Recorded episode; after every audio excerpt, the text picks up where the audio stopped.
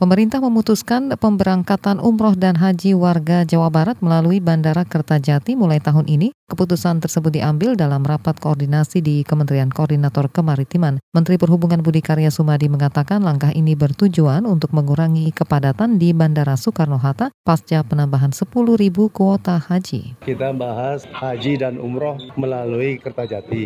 Jadi sudah diputuskan semua haji dan umroh untuk Jawa Barat bagian timur. Jadi itu ada Majalengka, ada Subang, Indramayu, Cirebon, Tasik ya Ciamis itu ke sana. Nah nanti asrama hajinya ada di mana? Ada di hotel di Cirebon. Perjalanannya itu dari Kertajati. Jadi semuanya di sana. Nah, diharapkan itu bisa ngurangin kepadatan yang ada di Soekarno Hatta. Menteri Perhubungan Budi Karya Sumadi menambahkan Bandara Kertajati diperkirakan bisa melayani pemberangkatan 20 kloter atau setara 4.000 jamaah. Adapun untuk jamaah umroh, bandara bisa memberangkatkan sebanyak 500.000 orang.